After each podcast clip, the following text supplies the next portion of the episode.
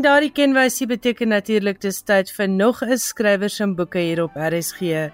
Goeienaand, baie welkom. Ek is Elsje Siltswedel en ek verwelkom jou namens my en Johan Meiberg en ek hoop jy geniet vanaand se program.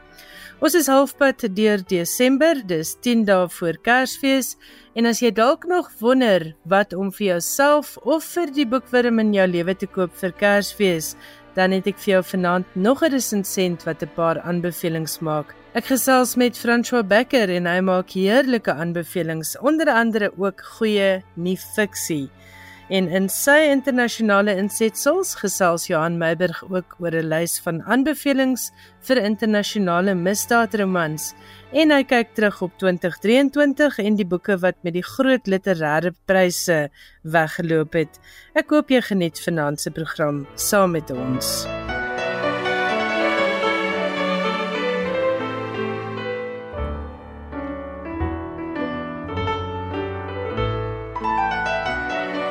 Misdaadromans is een van die gewildste genres wêreldwyd.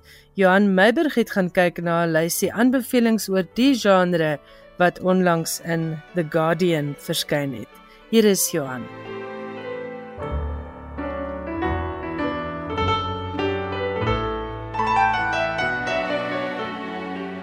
Laura Wilson is 'n Engelse skrywer wat met misdaadromans al etlike vooraanstaande pryse opgeraap het. Met haar agste roman Stratton's War het sy byvoorbeeld in 2008 die Crime Writers Association se Ellis Peters Prys vir die beste geskiedkundige misdaadroman verower. Maar Wilson is ook bekend as resensent wat gereeld vir The Guardian oor die genre skryf. Vir die dagblad het sy nou 'n taamlik omvangryke lys saamgestel van die misdaadromans wat vanjaar verskyn het en wat vir haar uitgestaan het. Uit die lys noem ek enkeles. Op Wilson se topverkoperlys is Richard Osman se jongste aflewering in sy Thursday Murder Club reeks The Last Devil to Die, uitgegee deur Viking. En ook Janice Hallett se twee romans in 1 jaar The Mysterious Case of the Alperton Angels en The Christmas Appeal, albei uitgegee deur Viper. Hulle het beplan haar boeke as 'n soort klagstaat, kompleet met afgelegde verklaringe, e-posboodskappe, WhatsApp-boodskappe en al, wat Wilson beskryf as 'n soort eksperimentering met vorm, wat sou ook aantref in Kara Hunter se verwikkelde Murder in the Family, uitgegee deur Harper Collins, en Gareth Rubens se roman The Turnglass, uitgegee deur Simon & Schuster. Maar dan ruim sy ook plek in vir boeke wat teruggryp na die goue eeu van misdaadromans, soos Tom Mead se Death and the Conjurer, uitgegee deur Head of Zeus.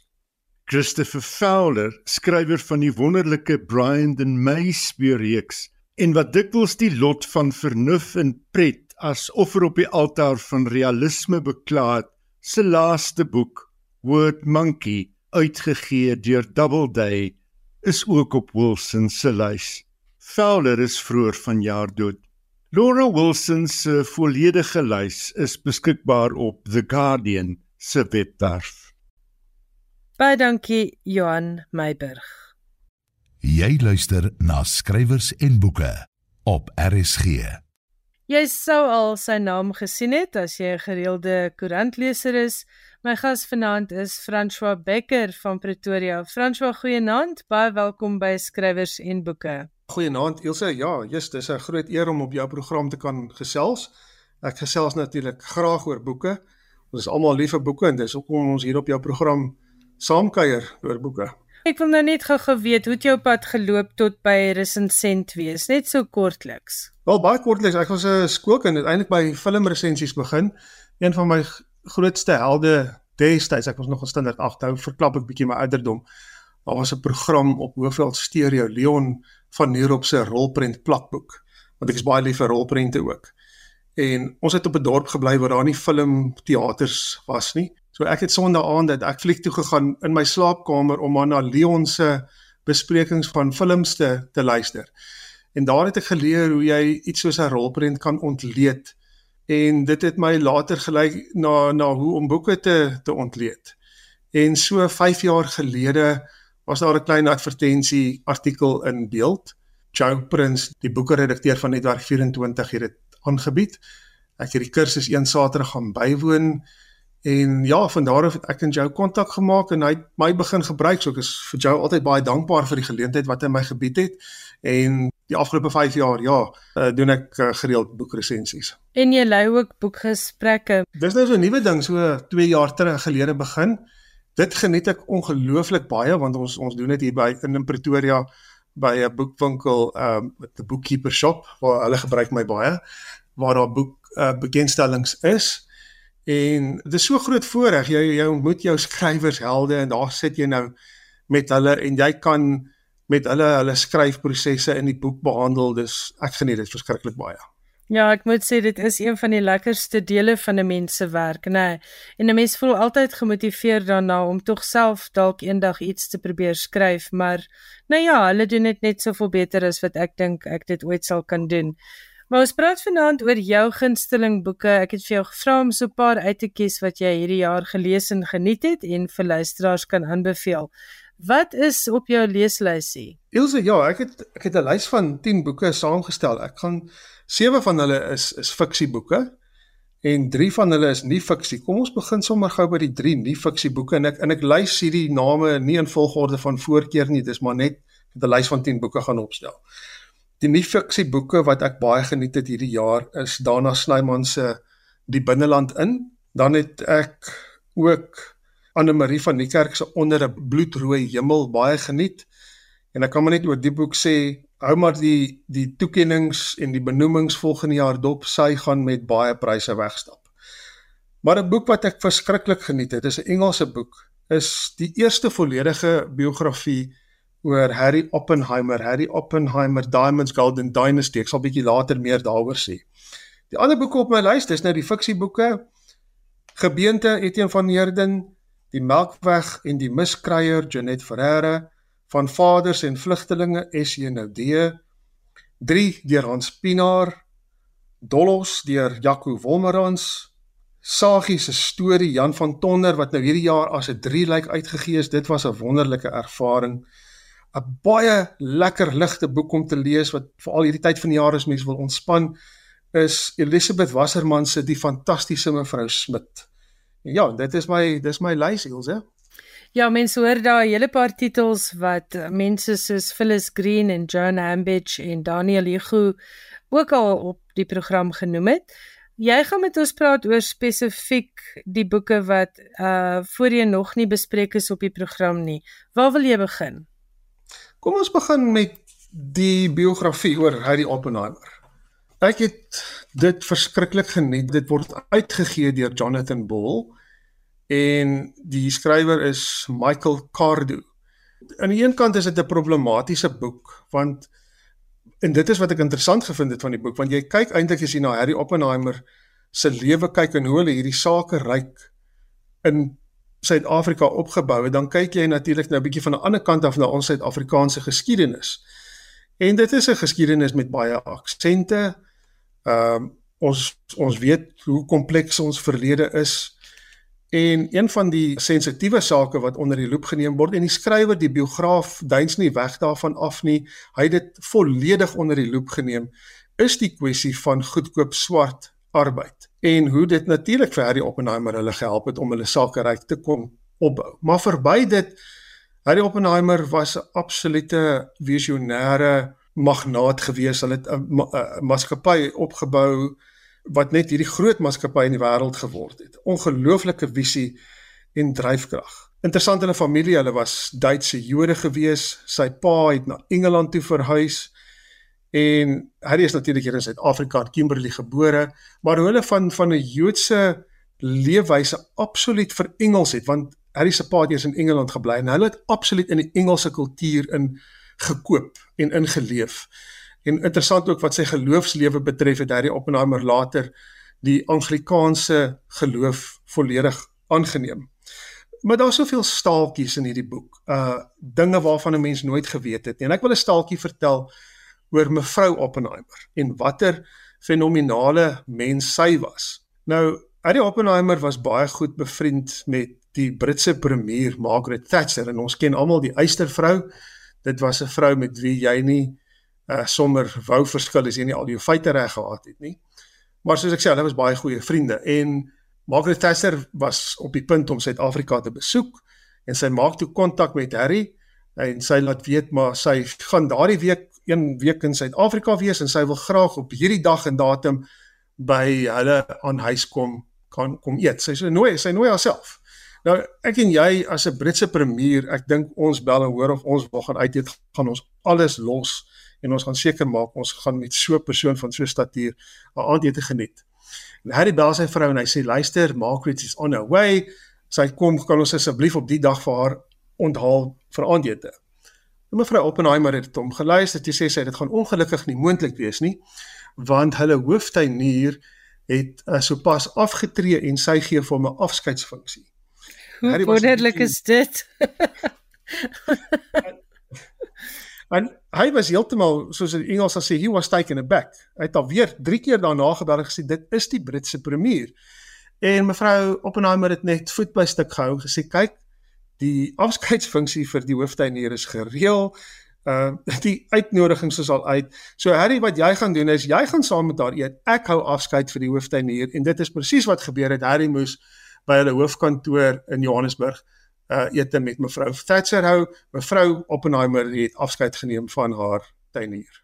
Maar dit dui op 'n menslikheid, né, wat 'n mens tog nou nie sou verwag van sulke vreeslike ryk mense nie. Nee, absoluut. En ek bedoel, hierdie mense was onsaglik ryk. Ek bedoel, rykdom is 'n relatiewe begrip, maar hierdie mense is regtig waar dit is 'n rykdom en 'n ander ek dink ek en jy gaan sukkel om dit te verstaan. Maar kom ek praat maar namens myself. Ja, ek ek ja. gaan ook glo my want ek dink nie ek kan nie verstaan hoeveel nulle daar op so ja. balans staat moet wees nie. Maar maar soos jy sê, die menslikheid, jy weet, hierdie ou kamp het altyd gesê hy was ook baie lief vir biografie. Ek is ook baie lief daarvoor. En hy het altyd gesê as jy die wesenskenmerk van menslikheid in die lewe wil snap en verstaan, lees 'n biografie. En dit is so, jy kyk na 'n persoon soos hierdie, 'n sakemagnaat, suksesvol. Ja, en hy het nou goed gedoen wat ek nooit in my lewe gedoen het of ooit sal doen nie. Maar die menslikheidsaspek soos mevrou Oppenheimer, daai goed van integriteit, menslikheid. Dit dit kom net uit op 'n ander manier en dit 'n mens konnekteer daarmee en jy dink maar dit is waaroor menslikheid gaan. Maak nie saak wie of wat jy is nie.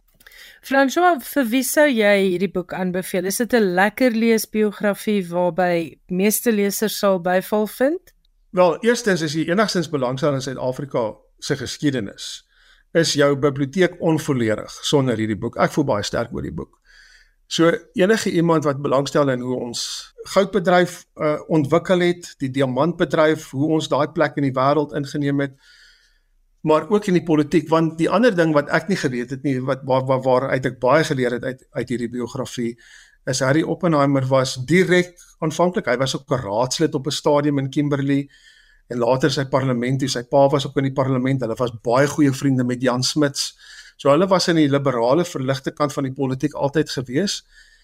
En Harry Oppenheimer se betrokke by die Verenigde Party van destyds en ook die wat toe nou later die Progressiewe Federale Party geword het. Harry Oppenheimer was eintlik maar die krag agter daardie party. Ons het die politici van geweet en hulle gesien die mense wat in die parlement gesit het, die leiers soos van Cyril Slabert en Helen Suzman, maar die ou, die krag agter daai partye was Harry Oppenheimer, soos hy enigstens in Suid-Afrika se geskiedenis en die politiek en ekonomie belangstel, uh soos ek sê, hy hy moet op jou brak wees. Ek wil net nog iets noem, Ilse, ekskuus, want ek kan nie uitgepraat raak oor hierdie boek nie. As boekliefhebbers is daar 'n storie wat my verskriklik geïnteresseer het. Harry Oppenheimer het vir gereeld vergaderings in Londen bygewoon van die Roxburgh se klub. Ek weet nie of jy al gehoor het van die Roxburgh se klub nie. Dit is 'n boekklub. Maar jy moet kwalifiseer om deel te wees van die boekklub en jy moet 'n baie uitgebreide, volledige en 'n gesaghebende biblioteek aan jou eie huis hê voordat jy enigstens aan hierdie boekklub mag behoort en Harry was so geëerd. Hulle nooi jou uit. Jy kan nie sommer aan uh, jy kan nie vra om aan te sluit nie. En hy was 'n absolute 'n boekliefhebber, Harry Oppenheimer. Hy het hierdie biblioteek gehad aan huis en hy kon aan hierdie boekklub in Londen was hy 'n lid van die klub en gereeld vergaderings bygewoon. Dis baie interessant. Ek weet ook die Oppenheimers is vandag nog baie lief vir tuin maak. En ek weet nie of dit meer gebeur nie, maar ek weet die tuine by hulle wonings is eenmal 'n jaar oopgestel vir die publiek om te gaan kyk na hulle pragtige tuine. So ja, dit wat my getref het van die boek, dit is absoluut estetiese aristokratiese mense. Fyn mense, fyn mense. Fyn mense. Goed, uh, dit is die her, die Harry Oppenheimer bibliografie. Gee net vir ons weer die skrywer en die uitgewer asseblief en die titel. So die skrywer is Michael Cardew, is Harry Oppenheimer Diamonds Gold and Dynasty deur Michael Cardew en dit word uitgegee by Jonathan Ball. Goed, uh François Becker, hy is vanaand my gas. Hy's 'n boekresensent van Pretoria wie se naam jy gereeld op Netwerk 24 sal sien. François, watter boek is volgende?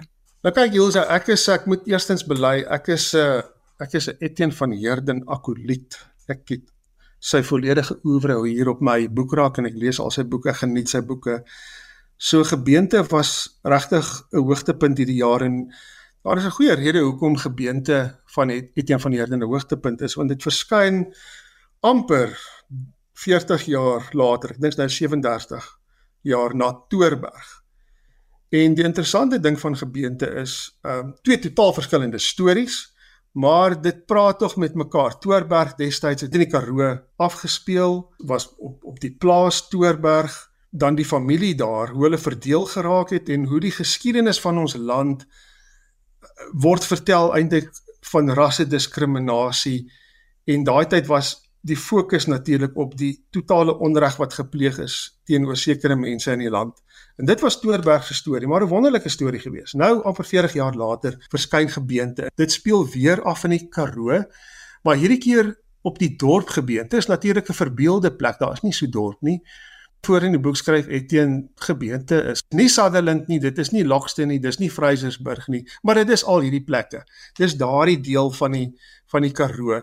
En soos in Toorberg is hier nou weer 'n gereg daar is twee geregsdienaars wat gebeente moet kom besoek. Onthou destyds het 'n geregsdienaar op Toorberg het het die het, het die uh, besoek afgelê vanuit die Kaap omdat daar 'n kind gesterf het.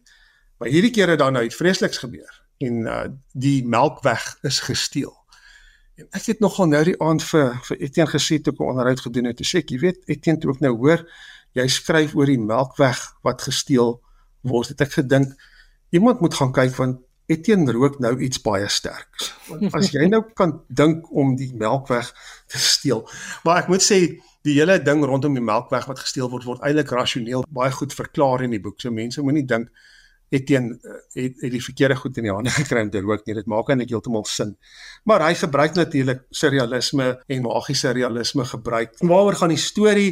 Dit gaan oor 'n vrou wat saam met haar kind woon en wat ek hou van Etienne van Heerden se verhale, hy het altyd hierdie vreemde name wat hy vir mense gee. Soos haar, die vrou se naam is altyd oop Vygie Losber. Die plek waar sy woon, haar huisie noem hulle opkyk. Altyd oop Vygie werk as 'n as 'n skoonmaker by hierdie ruimteteleskoop. En hierdie ruimteteleskoop, daar's maak nog hulle geraas en hulle noem dit die oog want dis mos nou iets wat kyk in die sterrehemel in. Maar sy het 'n klein seentjie van as ons nou die storie begin met haar seentjie wat so 2 jaar oud is. En sy naam is Jesus Losber. Maar die kind was vreemd van die begin af. En hy het van die begin af baie belang gestel in die sterre en wat aangaan in hierdie hierdie plek wat waar die mense nou kyk na die sterrehemel. Maar die kind word nou later deur die welsyn weggeneem. En dan baie jare later kom die kind nou terug en dit is nou eintlik waaroor die verhaal gaan is hierdie keer kyk hulle anders na gebeente want is nou wat hoeveel jare is ons in die demokrasie.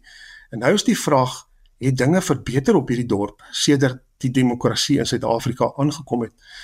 En dan sien jy maar die ellende en die korrupsie en daar's so baie wat verkeerd is.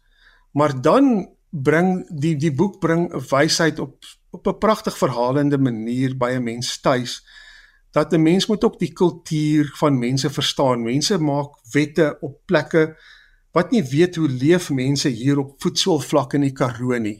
Hulle het hulle eie kultuur, hulle eie leefwyse.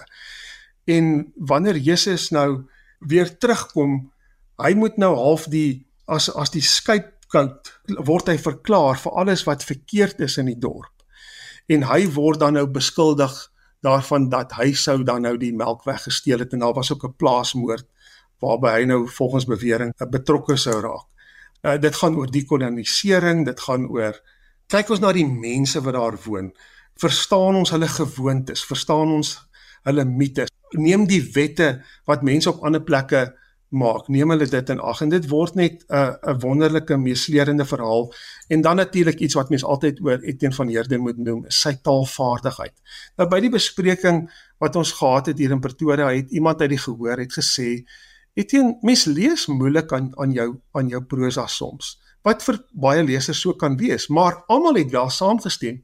Jy lees en tog is hierdie jou woordgebruik is net so wonderlik. Dit dit dwing soveel bewondering by mense af. So ek wil lesers regtig waar aanmoedig om die boek te kry en moeite daarmee te doen. Dit is 'n storie as jy hom klaar gelees het, jy gaan hom nie weer vergeet nie. Gaan hom nooit vergeet nie. Dis gebeente deur Etienne van Heerden. Wie is die uitgewers, François? Die uitgewer is Tafelberg. Goed. So jy het nou al met ons oor twee boeke gepraat. Jy het ook 'n klompie ander gunstelinge genoem. Waaroor wil jy volgende gesels? Ja, dan het daar nou 'n boek net so wat was dit nou tydens die Wêreldbeker rugby verskyn met die titel 3 deur Hans Pinaar en dan is daar nou 'n foto op die op die voorblad van hierdie rugby spelers, so 'n bietjie van 'n ou rugby foto. So ek wil ek wil lesers net daarop tent maak. Dis nie 'n gewone rugby boek nie. As jy nou 'n absolute sportfanatikus is wat nooit lees nie, sal ek wil ek amper sê wees maar versigtig want die boek gaan oor baie meer as net rugby. Alhoewel rugby 'n integrale deel van die boek vorm en dit is op op 'n vreemde manier is dit ook 'n ode aan rugby as die spel wat tog so gewild is in Suid-Afrika en en wêreldwyd vir baie dele van die van die wêreld.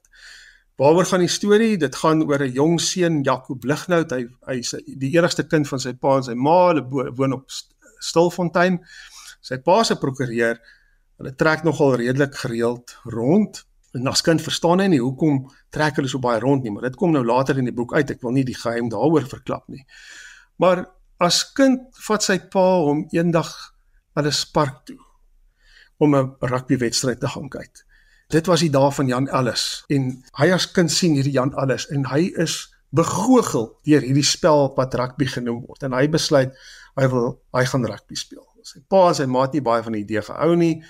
Hulle was nie sportmense nie. Maar hulle trek baie rond en hoe die Jaco nogal baie gewild is by elke skool waar hy uitkom, hulle eindig uiteindelik by 'n skool in Natal, is die feit dat waar ek wil gaan vat hy sy skopskoen saam. As kind nog altyd sy hoërskool deur, hy was 'n uitstekende rugby speler en hy het 'n bal geskop. Daai bal gaan tussen die palle deur, maak nooit 'n fout nie met sy hoërskooljare is dit 'n bildingsroman. Jy kyk maar van 'n kind hoe hy ontwikkel, hoe beleef hy sy seksuele ontwaking, daai tipe ding. En dan is daar mense wat hom raak sien. Hy's hy's slim, hy speel goed rugby en hulle begin hom bearbei vir die Afrikaner projek want hulle sien hier is 'n leier vir die toekoms. Maar Jaco is bevriend met 'n meisie wat uit 'n Duitse gesin uitkom. Sy het 'n anderste kyk na die goed en hulle verhouding verbrokkel as gevolg van hierdie Afrikaner invloed op hom. Maar dit bring hom by die punt waar hy begin krities kyk na dinge rondom hom. En waar mense gedink het wel hulle arbei hom nou as 'n leier vir die toekoms, het hy toe nie saamgespeel nie. Hy het toe nou later die land verlaat, hy het in Frankryk gaan bly waar hy aanhou rugby speel het, maar hy het 'n professionele loopbaan daar gevolg. En dit gaan dus oor ons ook weer eens ons land se geskiedenis hoe skeef getrek daai geskiedenis is. Maar wat dit by rugby inkom. En dis 'n interessante ding.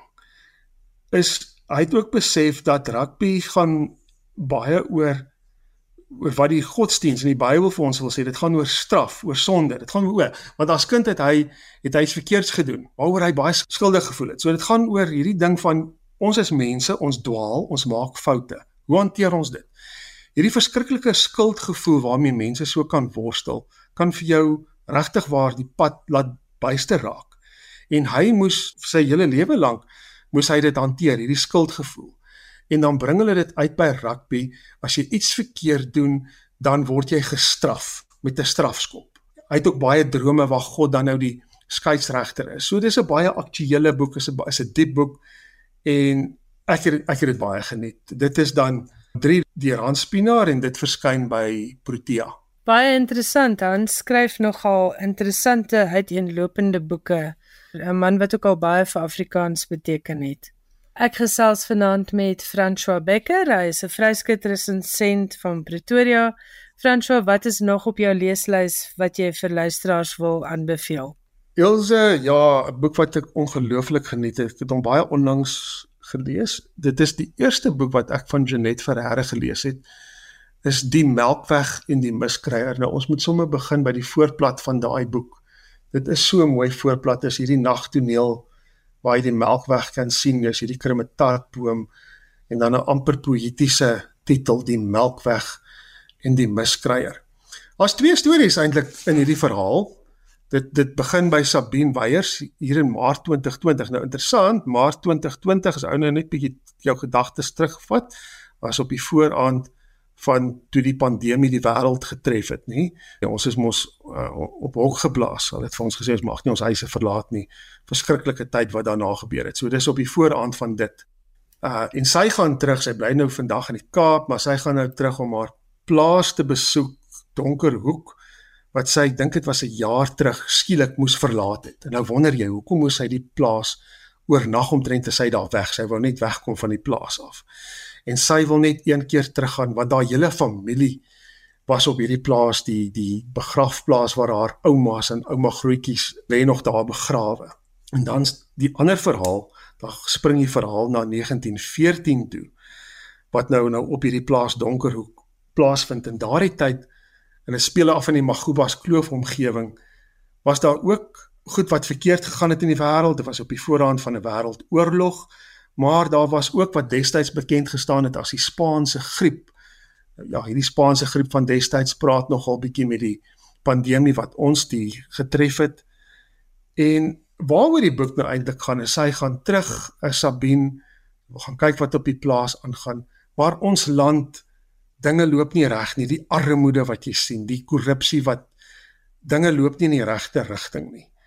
En dan die tema van die boek is in tye van onstuimigheid, in tye van onsekerheid of dit nou oorloë is en of dit siektes en pandemies is. Is daar 'n paar basiese goed wat vir ons gaan help om om ons pad te vind deur hierdie onsekerheid. En die eerste ding wat dit mense op die hart ge, gelê word is ons ons moet leer om na mekaar te luister en ons moet luister na die natuur en dan amper ek wil amper 'n klise uitdrukking hierso 'n bietjie omdraai om te sê gaan na die miskryer en word wys. As ons oplet, is daar tog goed wat vir ons lig gee op ons pad en hoe ons kan aanbeweeg. Dis 'n historiese roman, absoluut aangrypend o en ek moet ook sê die taal ook is is absoluut dis juwele. Dit is 'n juweelboek. Dit het 'n baie poëtiese inslag wonderlike boek om te lees en dit is dan die Melkweg en die Miskryer deur Janet Ferreira en die boek verskyn by Tafelberg. En ek moet sê Janet Ferreira is 'n gesoute historiese fiksie skrywer, so ek sien ook uit na die boek. Jy luister na skrywers en boeke, jou belangrikste bron oor Afrikaanse boeke. Ek gesels nou verder met François Becker, 'n netwerk 24 boekresensent van Pretoria. Franco, watter boek is volgende op jou lysie? Kom ons praat weer gou-gou 'n bietjie oor 'n uh, 'n uh, nuwe fiksieboek. Jy weet ons is almal almal baie lief vir vir Dana Snyman. Ons lees sy rubrieke in die koerant. Ek het al gesit en dink maar hoekom is mense so lief vir Dana? Want Dana is so mens mens en hy skryf oor goed waarmee ons kan identifiseer. Alledaagse goed. Ons en ons dink oor die goed. Ek dink ons dink almal soos Dana oor die goed, maar Dana het nou net die vermoë om te gaan sit en dan pen hy dit nou neer en dan skryf hy daaroor. En ek beskou daarna half as die kurator van 'n nasie se gemoedstrominge. Want daar's baie gemoedstrominge in hierdie land op die oomblik.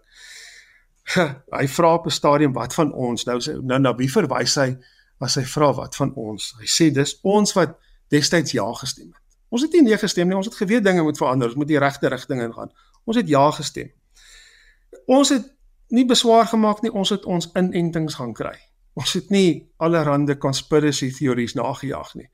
Ons doen al die regte goed, maar verdomp, ons voel daarom leierloos op die oomblik. Wat van ons? So jy identifiseer met daai met daai sentiment van van daarna.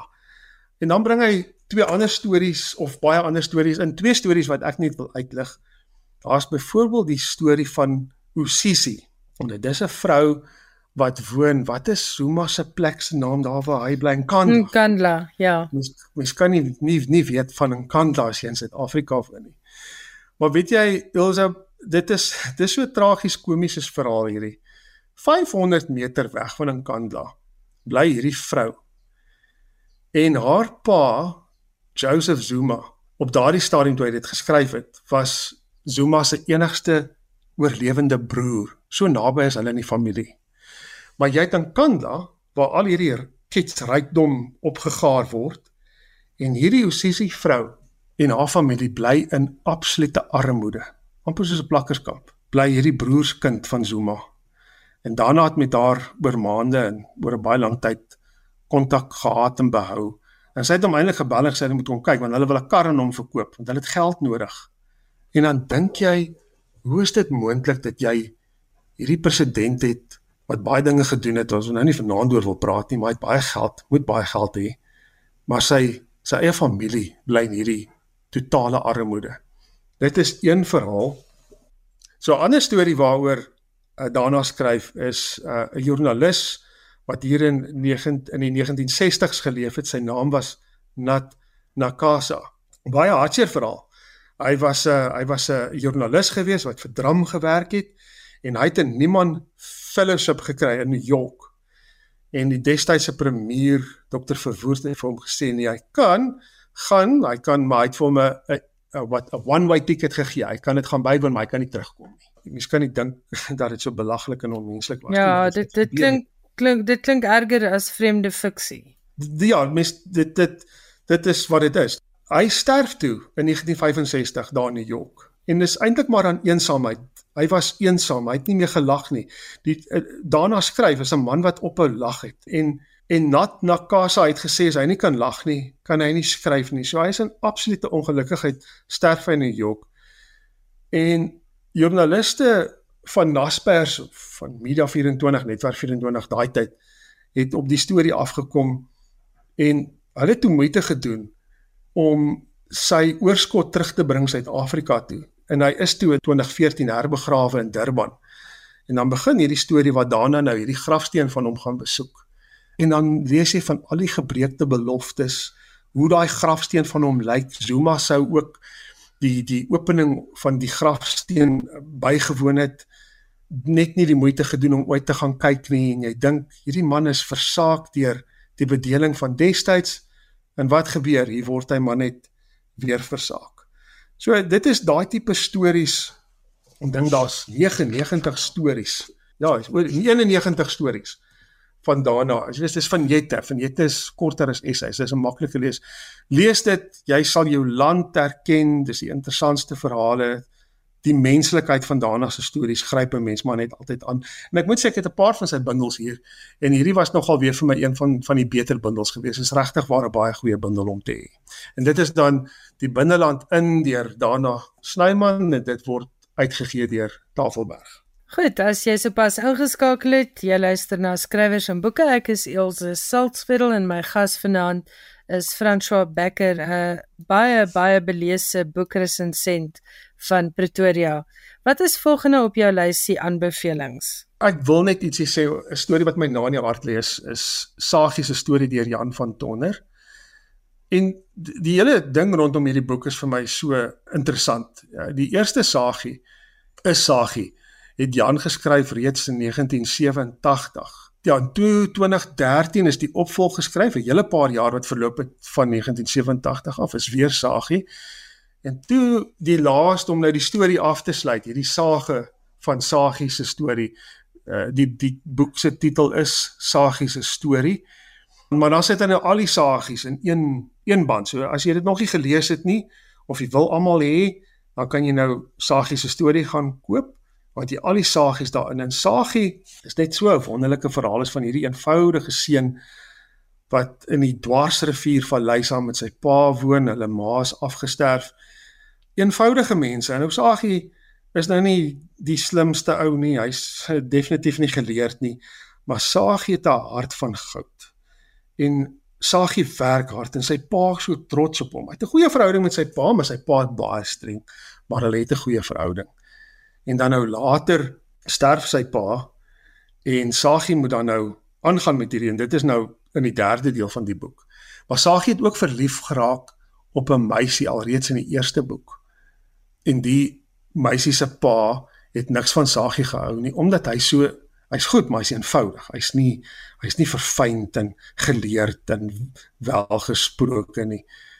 En die man was so mislik. Hy het skoon weggetrek met die dogter, maar Sagie se hart op op hierdie meisie verloor. En nou wonder 'n ou nou wat gaan Sagie met hierdie plaas maak? Gaan hy oukei okay wees met sy pa wat nie meer daar is nie? Ek gaan nie sê wat gebeur nie, lees die storie en gaan Sagie nou uiteindelik hierdie meisiekind op wie hy sy hart verloor het, gaan hy weer met haar kontak maak? Ek gaan nie die die geheim verklap nie. Lees die boek. Dis 'n verhaal wat 'n mens aangryp. En dan ook die huiswerkers. Jy weet daar's iemand soos 'n huiswerker Mita September As jy lees oor Mita September wat maar eintlik sy instaan ma was vir hom. As jy van haar lees in hierdie boek, Jan het 'n vermoë om 'n karakter so mooi te skets. Ek het al gevoel as ek ooit weer deur die Karoo wil reis of gaan reis, dan wil ek vir Mita gaan soek. Ek wil met Mita September gaan praat. So teken hy hierdie karakters. So dit is net 'n wonderlike boek. Dis dan nou Sagie se storie, Die drie lyk deur Jan van Tonder en dit verskyn by Iman en Resou. Wat my altyd opval van Jan van Tonder se skryfwerk is die ongelooflike deernis en jy het ook nou gepraat van hoe hy mense kan skets met sy woorde. Mens voel regtig asof jy hierdie mense ken. Ek dink nou maar aan daardie wonderlike ehm um, roepman. Eintlik al al Jan van Tonder se werk is net werklik waar onvergeetlik. François, jy wou ook iets gesê het oor Jaco Wolmerans se Dollos. Jy weet Elsa, ons het 'n wonderlike spanningsverhaal tradisie al in Suid-Afrika wonderlike spanningsskrywers. Maar iemand wat nou 'n handelsmerk op sy eie is, nou, dit is sy 4de boek, is Jaco Wolmerans. En Dollos is net 'n boek wat absoluut my verbeelding aangegryp het. Ek kan dit nie sterk genoeg aanbeveel nie. Dit gaan maar oor die voormalige spesmagte operateur Tex Tex Texaira. Ons almal ken vir Tex. Hy's 'n Rambo met 'n verstand en 'n hart. Wat dan nou gebeur is die arme uit nou net getrou en dan kom haal hulle hom, hy's eintlik nog so op sy witte brood. So wat gebeur het daar's 'n klandestiene operasie in in Mosambiek aan die gang en een van hulle kollegas het totaal undercover gegaan om deel te word van 'n dwelmkartel want die dwelmhandel deur Mosambiek is enorm en die oues in die kartel met ander woorde as sy as sy identiteit moet ontbloot word, is is dit die einde van sy lewe. En skielik op die toneel. Nou weet jy nie as leser waar hoe gaan hierdie storie nou ontwikkel nie. Is daar 'n sluipskutter wat mense in hierdie kartel doodskiet. Nou hierdie sluipskutter karakter is regtig een van die interessantste karakters wat ek nou in 'n lang tyd raak gelees het in 'n spanningsverhaal. Want hy is 'n is 'n swart ou en hy was obviously benadeel in die apartheidstyd en MK het hom daardie tyd gewerf. Hy's oor Moskou toe vir opleiding, maar hy word ook toe soos hierdie goed maar gaan, hy word ook versaak deur die stelsel hier. Almal het van hom vergeet, maar hy wil nou wraak neem op mense. Daar's 'n spesifieke ou in hierdie kartel wat hy wil uithaal. Maar dit skep nou vir die intelligensie agentskappe 'n probleem, want hulle moet nou by hierdie sluipskutter uitkom en hulle moet hierdie sluipskutter keer of uithaal of skiet want die geheime agent se lewe is in gevaar. En nou moet Tex gaan. Uh, ek wil nie te veel sê dit dit word nog al 'n verwikkelde verhaal, 'n baie boeiende verhaal, maar 'n baie aktuële tema wat kyk na wat in Mosambiek aangaan, die geweld daar, die dwelmkartelle, geloof wat ook ingespan word om mense te beïnvloed en te onderdruk. En hoe lande soos die FSA, die CIA, hulle ja, hulle is betrokke, maar hulle sê altyd hulle is om goeie redes betrokke, maar hulle het ook maar agendas. Niks is ooit wat hulle sê dit is nie. En dis wat ek van Jaco se boeke hou.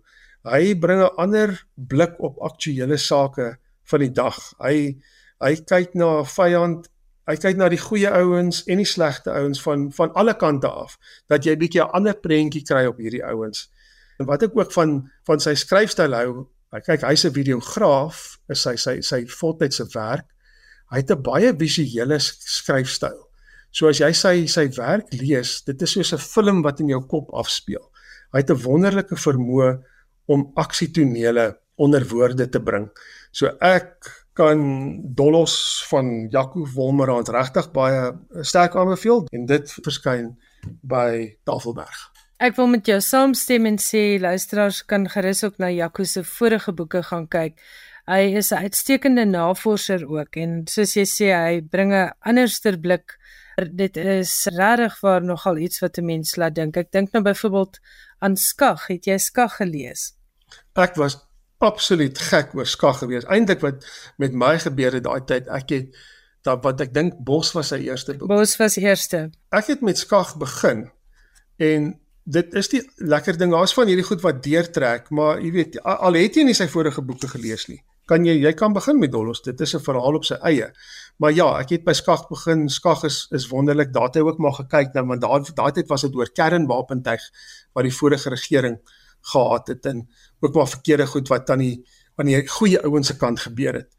Uh uit uit regtig ware 'n pyk manier om te kyk na na hierdie sake. En hy laat dit so geloofwaardig klink, né? Dit wat hy soos, soos jy sê, ons sy sy navorsing nê is is ongelooflik. Ehm um, en dit wys vir jou 'n goeie skrywer wat die tyd en die moeite insit om navorsing te doen. Ek dink nie jy kan vandag meer.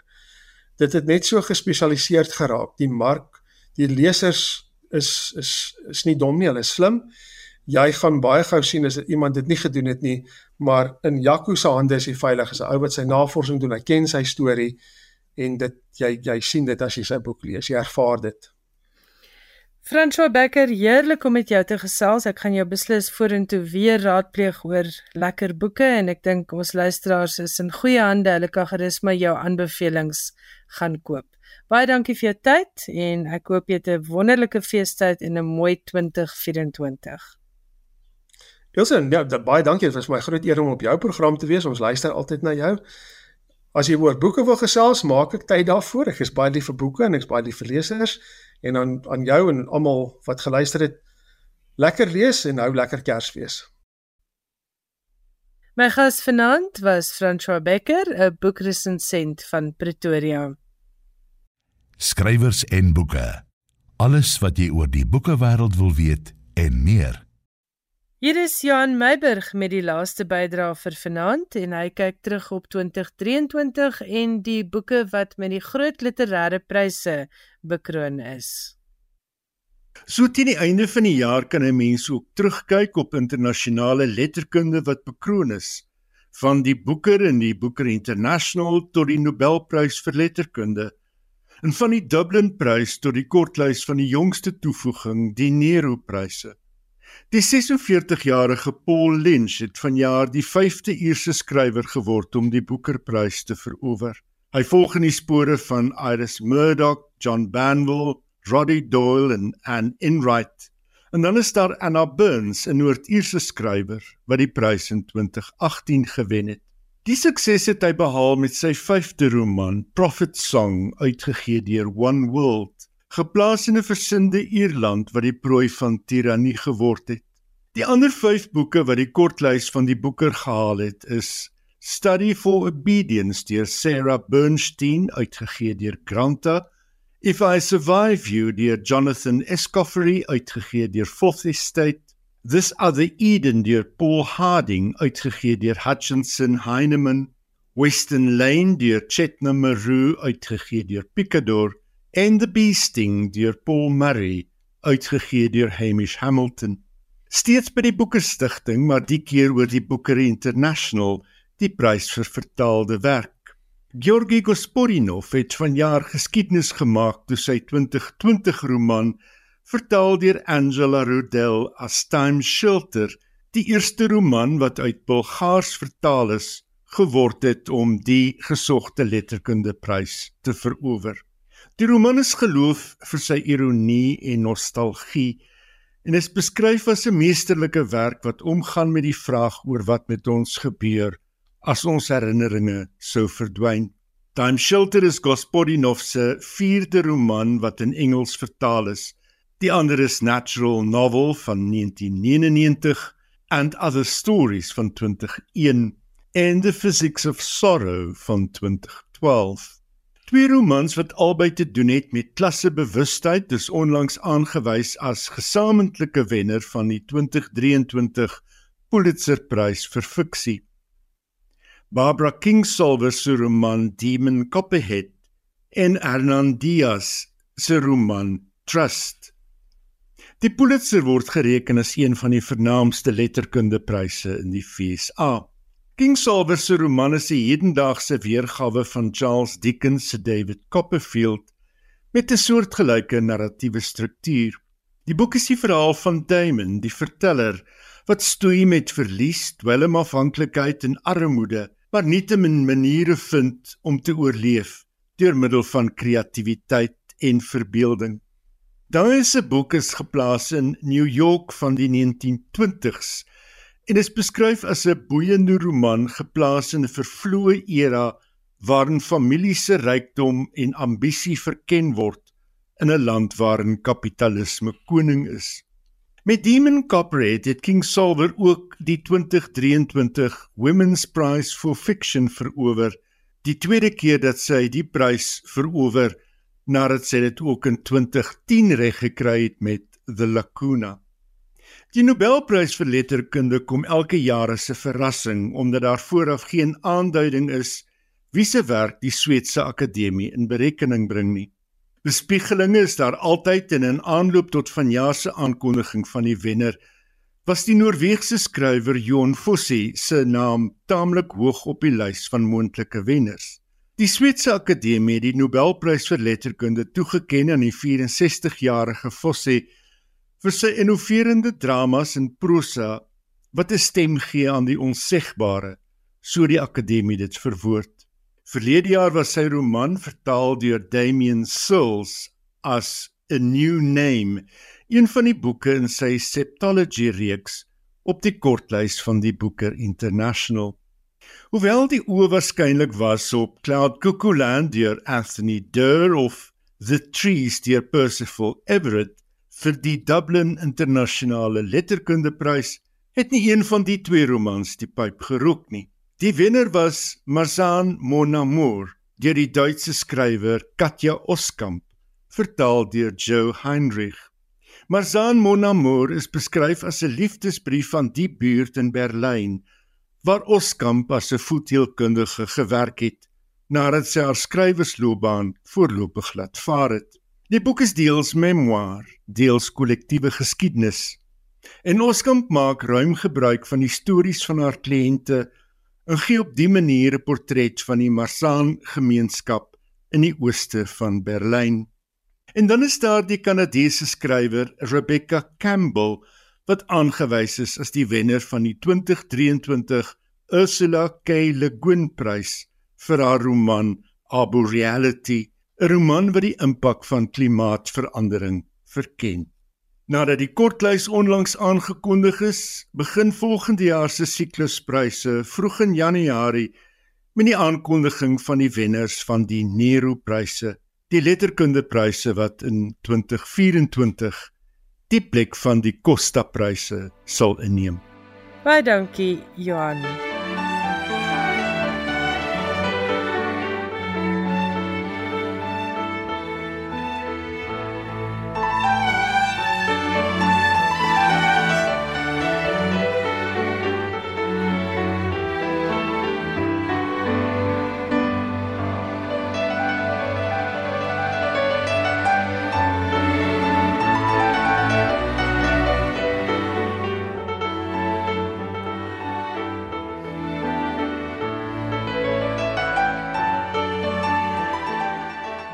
Ongelukkig al vir vanaand, maar volgende Woensdag aand is ek en Johan Meiburg weer terug. En dan gesels ek met Nathaniel.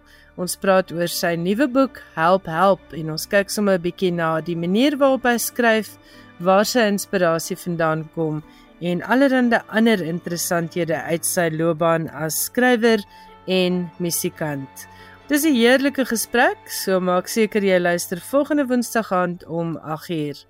Tot dan wens ek vir jou 'n heerlike week toe. Totsiens en veilig wees.